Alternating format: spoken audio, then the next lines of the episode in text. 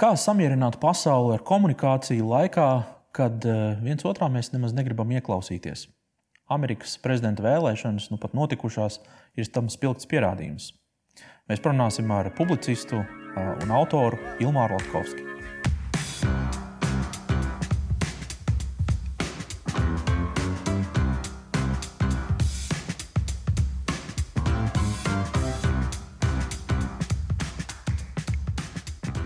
Tā kā nu pat ir noslēgušās Amerikas prezidenta vēlēšanas, rezultāts mēs vēl gala, galīgos rezultātus gaidām.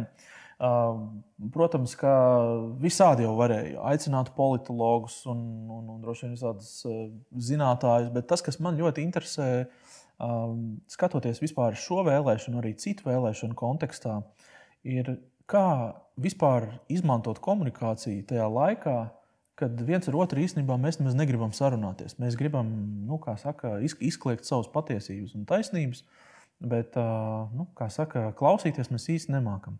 Un starp citu, es kad kādu laiku atpakaļ, mēs, runājām šeit, tajā krēslā sēdēja, tur, kur Ilmārs sēž, tur sēdēja Krista Vāvera, mūsu kolēģi bijusī. Viņa teica, to, ka viņa kādreiz sāks mācīt, pasniegt lekcijas par to, kā klausīties. Mm ka mēs, mums jāiemācās klausīties. Ilmāra, kā tev ir? Kā tev šķiet pašam? Vai klausīšanās pietrūkst šodien?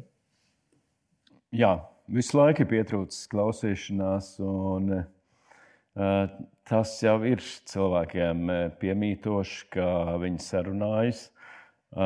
It kā, bet neklausās vai nu kliedz savējo, kas ir iekšā. Tur mums ir daudz kas iekšā, tur viss svārās vai arī ir iepriekšējais nodoms, ko pateikt, un es nemaz neklausos, ko, ko tu saki, vai arī kaut kur aizķeros aiz vārda, ko tu esi pateicis, un sāk stāstīt par sevi. Dziļāk klausīšanās ļoti nopietnas temats, ar ko es saskaros arī meditācijā. Un jāteic, ka man arī pašam varbūt dzīvē tas nav īpaši padevies. Klausīties, tu vairāk domā, ko tu pats izteiksi. Uh, bet es no savām kļūdām mācos un redzu apkārtējos. Mm -hmm. Jā, tagad, kad tu tā saki, es arī sāku domāt, cik bieži es klausos. Nu, es cenšos klausīties, es uztveru, ko tu saki. Šādā komunikācijā tas ir diezgan vienkārši. Bet tajā brīdī, kad uh, notiek kaut kāda sāsināta nu, teiksim, viedokļu sadursme, nu, tāda, tu esi viens kaut kāda politiskā spārna pārstāvis, es cits, tad gan ir tas Nu, nav vienkārši arī šādā situācijā, kā mēs atrodamies. Jo, kad es sēžu uh, intervētāja krēslā, es bieži vien arī pieķeru sevi, ka es jau domāju, kā es virzīšu sarunu tālāk, ko es jautāšu. Un, un pazūd varbūt tā dziļā klausīšanās, vai man ir šis uh, savs funkcijas, kā tā saruna ir, uh, ir jāvirza. Bet politikā nu, nu, tur ir jau īpaši, jā, nu, politikā cilvēki nāk, lai vinnētu. Uh, Nevis lai tiksim, virzītos uz kaut kādu patiesību, bet uh, vinnējs ir tas, cik es vinnēšu ar savu viedokli. Nu, biznesā varbūt ir līdzīgi reizēm. Laba saruna, labs dialogs ir tad, cik es izcitu savējo patiesību. Bija tāds teiciens par to, ka kompromiss ir tad, kad uh, katrs domā, ka viņam ir ticis kūks lielākais gabaliņš. Jā. Tas varbūt ir kaut kur mazliet kaut kā ar to saistībā. Tu, tu teici aizkatrā, ka tev ir palēmējies, ka tu neesi ļoti sekojis līdzi Amerikas prezidenta vēlēšanām visam tam tracim. Nu, es nezinu, vai palēmējies. Varbūt es jau iepriekš tā varbūt biju nolēmis, ka es tur neko daudz jaunu negūšu. Bet Protams, ka tur, manuprāt, ir interesants process, kurš nemitīgi atkārtojas. Jo uh, nu, uh, Amerikā ir Trumps un ir pret Trumps. Trumps ir figūra, uh, kas uh, acīm redzot, ja mēs sauktu par populistu, jā.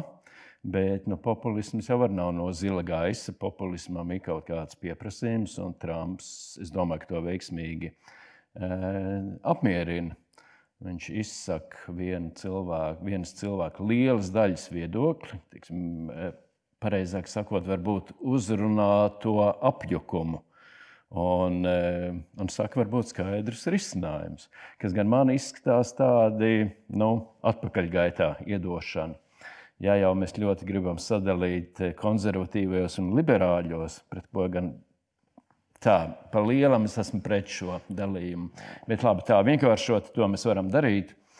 Un, um, un varbūt tās rietumu humanās visas vērtības un cilvēciskās, kas ir ļoti laba lieta, bet uh, kā visas labās lietas, kaut kā tās ienāk kaut kādā strupceļā, ka tur ir jāizdara kaut kāds varbūt jauns pavērsiens.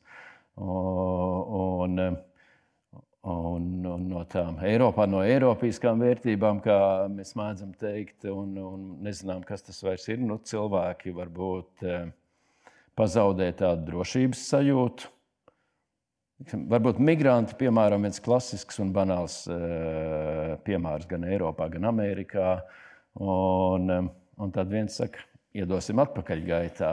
Vai tas ir risinājums? Um, droši vien, ka nē, skatoties nākotnes perspektīvā, bet vismaz tas šķiet kaut kas drošs, veselīgs salīdzinājumā ar to neziņu, kurā cilvēki ir ienākuši. Un, manuprāt, uh, Trumps ļoti veiksmīgi to spēlē. Un uh, lielākajai daļai cilvēku ir varbūt tā sajūta, ka vēlēšanās piedalās Trumps un otra persona tur nav. Trumps un netrumps. Un, eh, un Latvijā arī ir savi fani Trumpam un netrumpam. Tieši par Latviju domāju, teicu, ka populisms nerodas tā tukšā vietā, tam ir arī kaut kāds pieprasījums. Kā tev izskatās teiksim, Latvijas mērogā, vai ir pieprasījums? Droši vien, ka ir. Kā, cik liels tas ir un kā tas realizēs? Ja es varu papildināt to jautājumu, es kādu laiku atpakaļ mums bija diskusija par to. Mēs tieši domājam par to, ka ir cilvēki, kuri šajā visā sistēmā ir kaut kā iekārtojušies. Tas, nenoz, tas nav tā kā ļaunā nozīmē, nu, ka iekārtojušies kaut kāda koruptīva vai kā. Bet viņi ir vienkārši pieraduši, sapratuši spēles noteikumus un mācējuši adaptēties. Un ir cilvēki, kuri to nav varējuši izdarīt. Un kad ir tas, tas, tas, tas it kā, nu, kad tu saki, tu esi varas elitai pietuvināts, tad, tad nu, tu domā, tu esi droši vien viņu atbalstītājs. Kaut gan varbūt jā, nu, ir visādas kļūdas, ir visādas problēmas, bet uh, es domāju, ka tas pieprasījums ir tieši no šiem cilvēkiem, kuri nav varējuši adaptēties tajā, tajā esošajā sistēmā? Nu, es varbūt jā, es aptuveni tā teiktu, ar vienu niansi, ka pasaule attīstās aizvien straujāk. Un mēs nezinām, kas būs rīt. No vienas puses, liekas, ka ir liela stabilitāte un tāda uznāk Covid pandēmija, kur pilnībā noārda lielas lietas. Tā, mēs nonākam pie tā, ko pat nevarēja iedomāties. Uh, Un skaidrs, ka tā nestabilitāte cilvēkus, eh, cilvēkus nervozē. Un, eh, vai arī visa pasaules ātrā attīstība, gan, gan tehnoloģijas, gan paradumu maiņa, un tas saistīts ar tādu milzīgu neziņu un nedrošību par rītdienu. Un, eh, jā, un tāds, kas saka tādus vecus pārbaudītus risinājumus, bieži vien ar stingro roku, um, nu, tad ir zināmas cerības. Bet mums jau arī varas elitē, es domāju, ka šobrīd eh, arī Latvijas varas elitē pietiek Trumpista teiksim, atbalstītāji. Jā. Ja, un tu domā elitē vai tajos, kas ir tie opozicionāri, tomēr vairāk?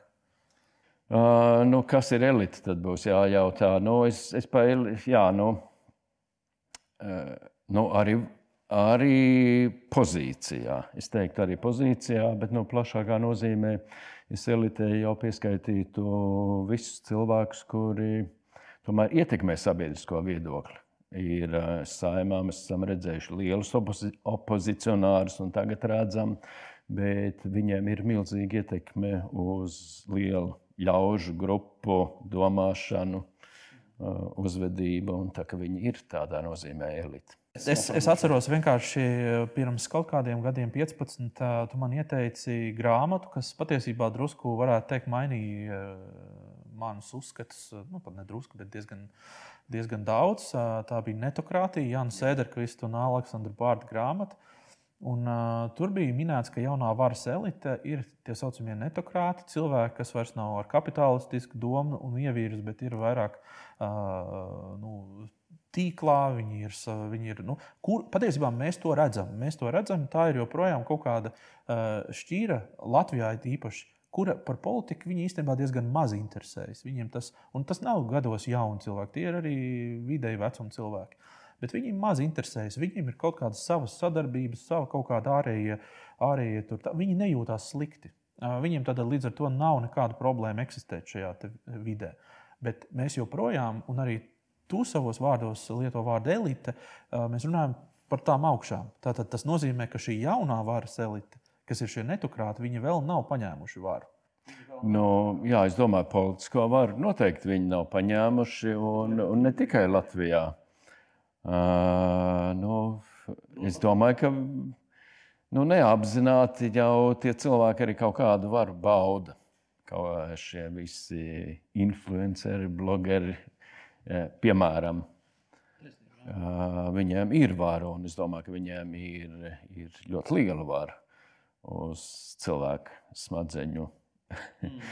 Pozitīvā vai negatīvā nozīmē. Tikpat labi jau var influenceris būt arī politikā. Nu, jā, tieši tā. Uh, jā, noteikti. Ja populists eh, realizē kaut kādu savu eh, komunikāciju tādā populistiskā veidā, viņš visticamāk apzinās, ko viņš dara. Nu, kad viņš ir populists, varbūt viņš to tā neatzīst. Ja pat ja viņam citi pārmet, viņš iespējams to apzinās. Viņam ir sekotāji, kuriem eh, tīk dzirdēt to, ko viņš saka, jo ir kaut kāda nedrošība, nepārliecinātība, bailes. Nezinu, vai vienkārši izteikt vēlmu kaut ko mainīt, un pēkšņi cilvēks, kurš to visu sola, un viņš saka, būs un tā. Un tad es domāju, vai tie sekotāji apzinās, ka viņi seko populistam, vai, nu, un, kā, un kā iespējams šos cilvēkus pievērst uh, tam, lai viņi ieklausās arī šajā te, pretējā vai alternatīvā viedoklī. Nu, jā, nu, te jau mēs varbūt varam aiziet diskusijā diezgan garā, kur mēs ierāmējam, ko mēs apzīmējam ar tiem populistiem.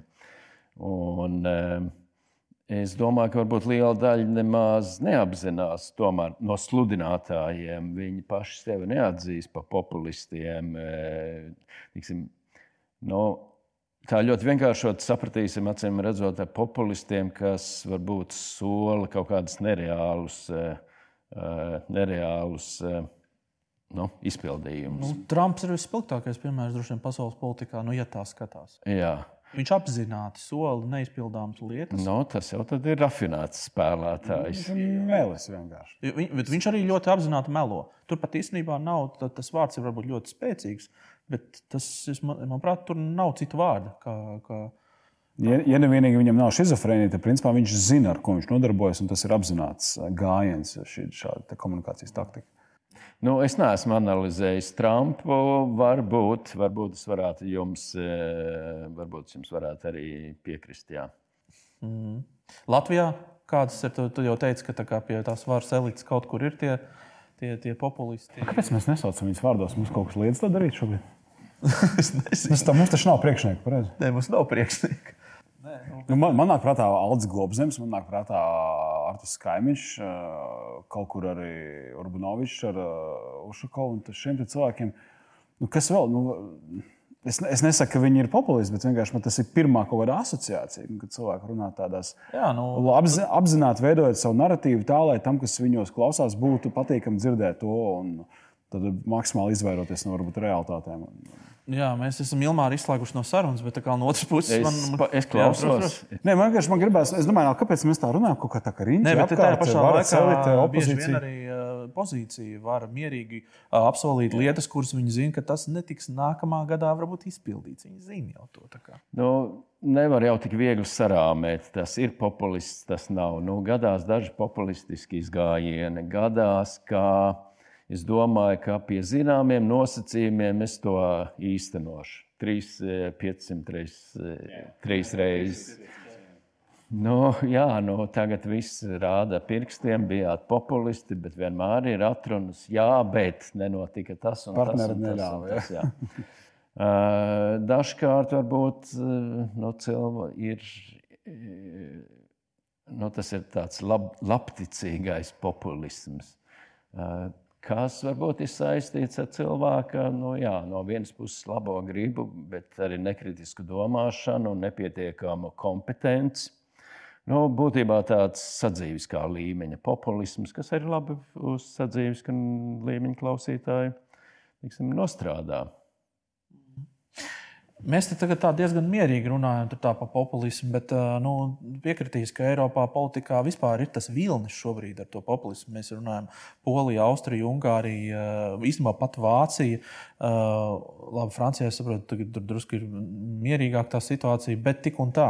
Stāsts ir par to, ka vienā brīdī tas var sasniegt kaut kādu tādu, nu, tādu punktu, kurā tas pārsvars aiziet šo cilvēku pusē, un tad viņiem tagad ir jāsāk pildīt savu solījumu un tā tālāk. Un tad kas notiek, ja, ja, ja tur notiek tā vilšanās? Nu, tur ir revolūcija atkal. Ne? Nu, jā, nu, nemeti, laba, labāk mēs gribētu varbūt tādas labas evolūcijas, nevis revolūcijas. Bet es jau šo vēroju jau nu, saimā. Es biju septiņus gadus un um, vairāk pievērsu uzmanību kā gadu no gada. Tomēr uh, no vienas puses politika kļūst aizvien komplicētāka lieta. Saimnes deputāti pieņem aizvien sarežģītākus jautājumus, kur būtu jāiedziļinās kompetence. Tā pašā laikā nosacījumi, uz kādiem tu varētu tikt ievēlēts, paliek aizvien nu, tā, populistiskāki vai smagiem, vieglā valoda, smagiem vārdiem. Man patīk šis apzīmējums. Un tur izveidojas liela plaisa varbūt starp to, ko cilvēki ievēl un pēc tam, ko no viņiem it kā sagaida. Viņu kompetences tik galā ar tiem jautājumiem. Un tur es redzu partiju demokrātijas krīzi vai partiju sistēmas krīzi. Jo partijas ir birokrātiski arī mehānismi, kas atražo paši sevi. Un eh, agri vai vēlu mēs nonāksim pie tā jautājuma, ka arī varbūt jāmaina gan vēlēšanu sistēma, gan jāsaprot tā kompetence un cilvēki, kas nodarbojas ar tiem, eh, nu, piemēram, saimnes jautājumiem. Bet atkal no otras puses, tie profesionāļi, kurus mēs eh, varbūt ikdienas valodā saucam par ierēģiem, arī tur ir tas, nu, zinu, ka pilni sociālie tīkli ir, ka mēs dzīvojam ierēģiņu valstī, ka viss tiek regulēts, ka tas patiesībā viss ir uh, ierēģiņu vaina un tā tālāk. Līdz ar to tāda profesionāli vadīta valsts arī nu, nevienam. Nu, ierēģi jau nevienam nepatīk, bet varbūt ierēģi sadalās arī neksim, grupās. Ir kaut kādi birokrāti, kuri pieņem kaut kādus papīrus un kaut ko pieprasa un, un tādu atkal attaisno savu eksistenci. Un tā tomēr ir eh, tiksim, ministriju ierēģi, kur ir eh, tiksim, profesionāļi kaut kādās jomās strādā gan pie problēmu izpētes, pie eh, likumdošanas izstrādāšanas. Un, Jā, un, es, ja, jā. es labprāt īstenībā nonāktu vēl pie vienas tavas personības šķautnes. Es, nu, arī klausītāji, skatītāji, tad, kad visi šie prāti ir sakarsuši šajās karstajās diskusijās, uh, nu, kaut kur gribās to galvu tādā augstā ūdenī iebāzt vai kaut ko izdarīt. Tad, eh, tad eh, nu, viena no tām lietām ir eh, nu, meditācija. Kā apstāties mazliet, drusku vienkārši uh, sevi apzināties, uh, nomierināties uh, un, un tā. Tu pie tā arī nonāci, vai ne? Kaut kā. Kā tu nonāci, kā tu atradi to, ka vajag kaut kā iebāzt galvu augstā ūdenī vai kaut kā citādāk? Vai tev bija tas, tā, tā motivācija vai kaut kas cits? Uh, aptuveni bija, jā, tas jau bija kaut kur. Es, kritisks tāds punkts vai pagrieziena punkts. Es esmu iegaumējis 2008. gads. Man bija, kad varbūt man bija tāds uh, vispārējais personības apjukums, it kā kaut kas ir sasniegts, tālākā augšana ir, ir, ir liekšanās. Uh, Un tāda ir virkne ar nejaušām sakritībām, kur tev nāk meditācija, meditācija, meditācija priekšā, un tāda tu domā, o, labi, tas ir jāņem. Um, es nekādā gadījumā negribētu pārspīlēt meditācijas tiksim, milzīgo ietekmi vai iespējas. Tā nav nekāda brīnumnūjiņa. Un, Tas arī nav nekāds ātrais atrisinājums teiksim, visām personības problēmām. Pamatā pacietīgs un varbūt reizēm garlaicīgs e, darbs. Bet meditācija ir tā, kas varbūt māca arī šo no vienas puses klausīšanos, un e, tā ļoti ātri izstāstot arī realitātes sajūšana, būt šeit un tagad.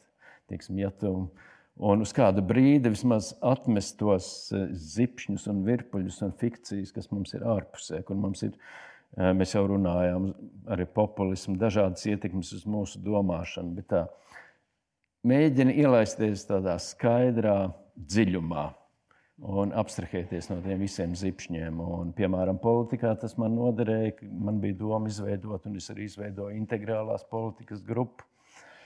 Uh, jo politikā ir ļoti daudz visādi filtru, mēs uzliekam, lai mēs tā skaidri realitāti uztvertu. Jau tur mēs ienākam ar savu kaut kādu kultūras filtru. Tāda nāk partijas vai frakcijas filtrs, un tad vēl ir filtrs. Uh, tev jāatrīt, lai tevi arī nākamreiz ievēl. Un tas arī uzliek filtru tavai domāšanai, tavai runāšanai, tavai jautājumu izpratnē. Un to es labi izjūtu, tā, ka es izstājos no frakcijas. Es domāju, ka es esmu pilnīgi neatkarīgs, tā kā varbūt liela daļa deputātu domā. Un ļoti objektīvi tver realitāti. Un, oh, pazuda frakcijas filtri, man domāšana sāk mainīties par realitāti. Un tad es nolēmu, labi, es neiešu uz nākamo saimu. O, atkal pazūd man filtri. Super. Jā. Mēs diezgan bieži prasām to mūsu viesiem um, par, par šo varas, vai mēs šodien daudz runājam par politiku un politiķiem, uh, viņu komunikāciju ar, ar mūsu sabiedrību. Kā, kā tu to redzi?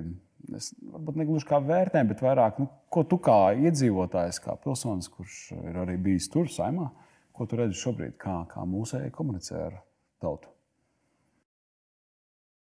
No, tas ir viens smags jautājums. Protams, viena lieta ir komunikācija, varbūt kādos eh, valstiski svarīgos jautājumos un to izskaidrošana. Piemēram, pandēmijas vai covid situācija. Tiksim, tā ir viena komunikācijas lieta. Un otra, kā varbūt atsevišķi varas cilvēki, piemēram, savos sociālajos tīklos komentē, un, un tur jau tā ārša kāja lien cauri. Tas ir smags jautājums. No vienas puses, tev ir ar to, ar to tautu jārunā, jābūt saiknē. Un, bet kā to izdarīt un būt no tā? patiesi un reāli. Ir grūti pateikt. Es no malas skatos. Un, no, jā. ir kāds, kam sanāk, kuru tu gribētu tā uzteikt? Varbūt, nu, es nezinu, bez tādiem kaut kādiem varbūt slavinājumiem, bet tā, ka, ka jā, nu, mēs varbūt varam pievērst vienkārši uzmanību kādu konkrētu cilvēku komunikācijai, pateikt, jā, man liekas, ka. Es varbūt neesmu pētījis, bet varbūt daudziem, nezinu, kā jums izraisīs brīnumu, man simpātiska ir premjera Kariņa komunikācija. Varbūt tur ir kļūdas, varbūt tur ir naivums daudz, bet tajā es tomēr saskatu kaut ko patiesu. Mhm. Man ļoti patīk tā Eiropas parlamenta uzruna. Tā joprojām ir spilgta atmiņā, kur viņš kur viņš, protams, ka tā bija iespējams tur drusku sagatavota un tā. Bet... Zini, es ar viņu runāju pēc tam. Mēs ja, nu, vienkārši sakrīt, ka sanāca satikties. Viņš viņam teica, ka fantastiski uzrunā visas tās žurku metafāras, viss, kas bija izmantots, nu, tādi izteiksmes līdzekļi uzmanības noturēšanai. Viņš tā noklausījās, es nu, paldies. Viņš saka, ka pilnīgi citādi bija plānota uzruna. Viņš teica, vienkārši tā bija liela improvizācija. Viņam vienkārši ieslēdzās kaut kāda liekas, emocija tajā brīdī, kas viņam lika līdzīgi kā vairs Vīts Freibergas uzruna slavenā, kad mūs uzņēma NATO. Un, un tas tādi mirkļi, man liekas, ir. Un, uh, man tas nenāca kā liels pārsteigums. Jo man arī ļoti simpatizē Kariņa komunikācijas stils. Un, protams, ka nu, arī šī valdība strādā ļoti. Nu, neparedzējumos apstākļos, un nav viegli viss tas spiediens, un, un lobby un, un, un sabiedrības intereses. Tas viss jāievēro. Un, bet kopumā man šķiet, ka viņi, viņi komunicē, nu, domāju, ar Kariņu priekšgalā labi. Nu, vismaz tā kā labāk, un, droši vien labāk. Zini, zin, kas man bija, tu, kad tu teici, ka tas ir smags jautājums nu, par to, kā politiķi un valdības komunicē ar tautu. Es domāju, ka viena lieta, tas nav gluži kā padoms viņiem, bet vairāk, kas man nāk prātā, kā narratīvs, ko sevī var veidot šie cilvēki, ir, ka es, es komunicēju ar tautu, bet es esmu tauta. Jo man, kad, kad reizēm draugu lokā mēs sākam plūkties par to, ka, ja kāds kritizē valsts, es saku, tu šobrīd kritizē mani. Jo es esmu arī valsts. Un, arī, un, un mana valdība, tas ir tas tiesa, mēs visi kopā. Un, nu, Nav tā kopības sajūta. Jā, nē, nu, es viņu mēģinu, nu, bišķi mākslīgi, varbūt es mēģinu viņu kultivēt, ka tie, tie esam mēs, arī tie, kas tur sēž tajā brīvis 36. Un, un, un tajā brīdī kaut kā tāda līdzatbildība parādās un, un kritiskums mazinās. Es saprotu, ka okay, tur kaut kā ministrs izspļauj kaut kādu teikumu vai pieņem kaut kādu lēmumu, kas nu, vēlāk izrādās kļūdains. kaut kā ir tāda vairāk tāda pieņemšana, nu, ka okay, tu vari likties ausis, cit, citreiz par viņu partiju nebalsot un tā tālāk. Bet kaut kāda tā noslēņošanās, man liekas, ir mazināma, ja mēs katrs individuāli, vienalga, vai mēs būtu nu, tādā varas elitē vai, vai parasti pilsoņi, ka mēs nu, nomainām to, ka nu, nevis viņi un mēs, bet, bet nu, mēs visi kopā. Es nezinu, vai tas ir iespējams, varbūt tā ir tāda utopija. Bet, nu, man liekas, ka Kariņam drusku kaut kas ir no tā, ka viņš ne, ne, nekomunicē no šīs varas pozīcijas. Viņš ir atbildīgs, bet viņš ir kā mēs pozīcija, mēs kā nācija. Jā, un es teiktu, ka varbūt viņš tā cilvēciski komunicē. Bet eh, kas man likās svarīgi pateikt, arī no meditācijas viedokļa, visas šīs ārējās izpausmes un tie eh, ārējie kašķi un kari pa lielam jau nāk no cilvēka tās iekšējās nesakārtotības. Mūsos iekšā tur eh, plēšās dažādi, dažādi es un dažādas ego ambīcijas. Un tad mēs to vienkārši šaujam ārā arī vai politikā. Protams, politikā vienmēr būs kaut kādas varbūt uzskatu uh, sadursmes, bet mēs tur ļoti daudz ieliekam no tā savu iekšējā nemiera. Un tāda uh, patriotisma laiks tagad nāk, varbūt tā, uz svētkiem atcerās patriotismu, jo īpaši Un es tā domāju, kas ir patriotisms. Es vien, vienu dienu aizdomājos, braucot uh, pa krastielu, kur mašīnas šī tāda visādi iet un agresīvie braucēji. Un varbūt citādi mēs patriotismu vienmēr saistām ar militāru patriotisko lietu.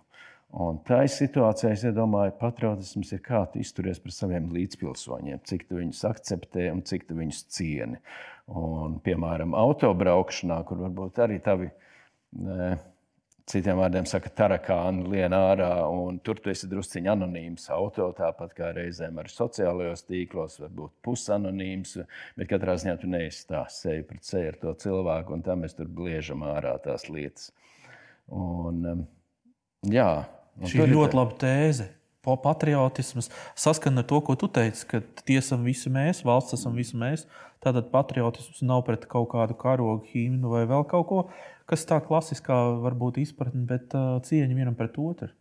No, uh, arī pret karogu, pret himnu, bet tas neko nedos, ja, ja mēs tur aizmuguriski viens otru slaktēsim nost.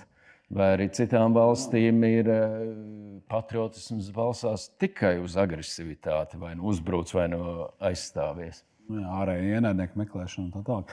Nu, jā, tas, ko tu teici par to, es tā uzreiz sev ieraudzīju krastījos un, atceros kādu momentu, kad es neiecietīgi esmu apzinis kādu lēnāku golfiņu, kur brauc opas no laukiem. Tad, nu, tad tas ir stāsts, jā, tas ir darbs katram ar sevi un uh, savas uzvedības maiņu. Pēc kā Ilvārs tev uzrunāja. Jā, jā, man šis ļoti aizķēra. Jo, man atkal, starp citu, ko es klausējos par, par meditāciju, un es atceros, nesen bija tas skandāls, kur kur, eh, kur valsts eh, nu, arī ierēģiem teica, nu, ka mācīsieties apziņotību un meditāciju. Un tad viss tauta oh, sacēlās un teica, kas vēl nebūs par mūsu naudu, kaut kāda ezotērija. Tur, tā, bet tas ir tas sevis sakārtošanas kaut kāds nu, vismaz virziens, nu, vismaz ceļš mm. parādīt veidu, kā to var darīt. Man liekas, ka man liekas, tur nav nekā nosodāma. Tur nav nekā tāda.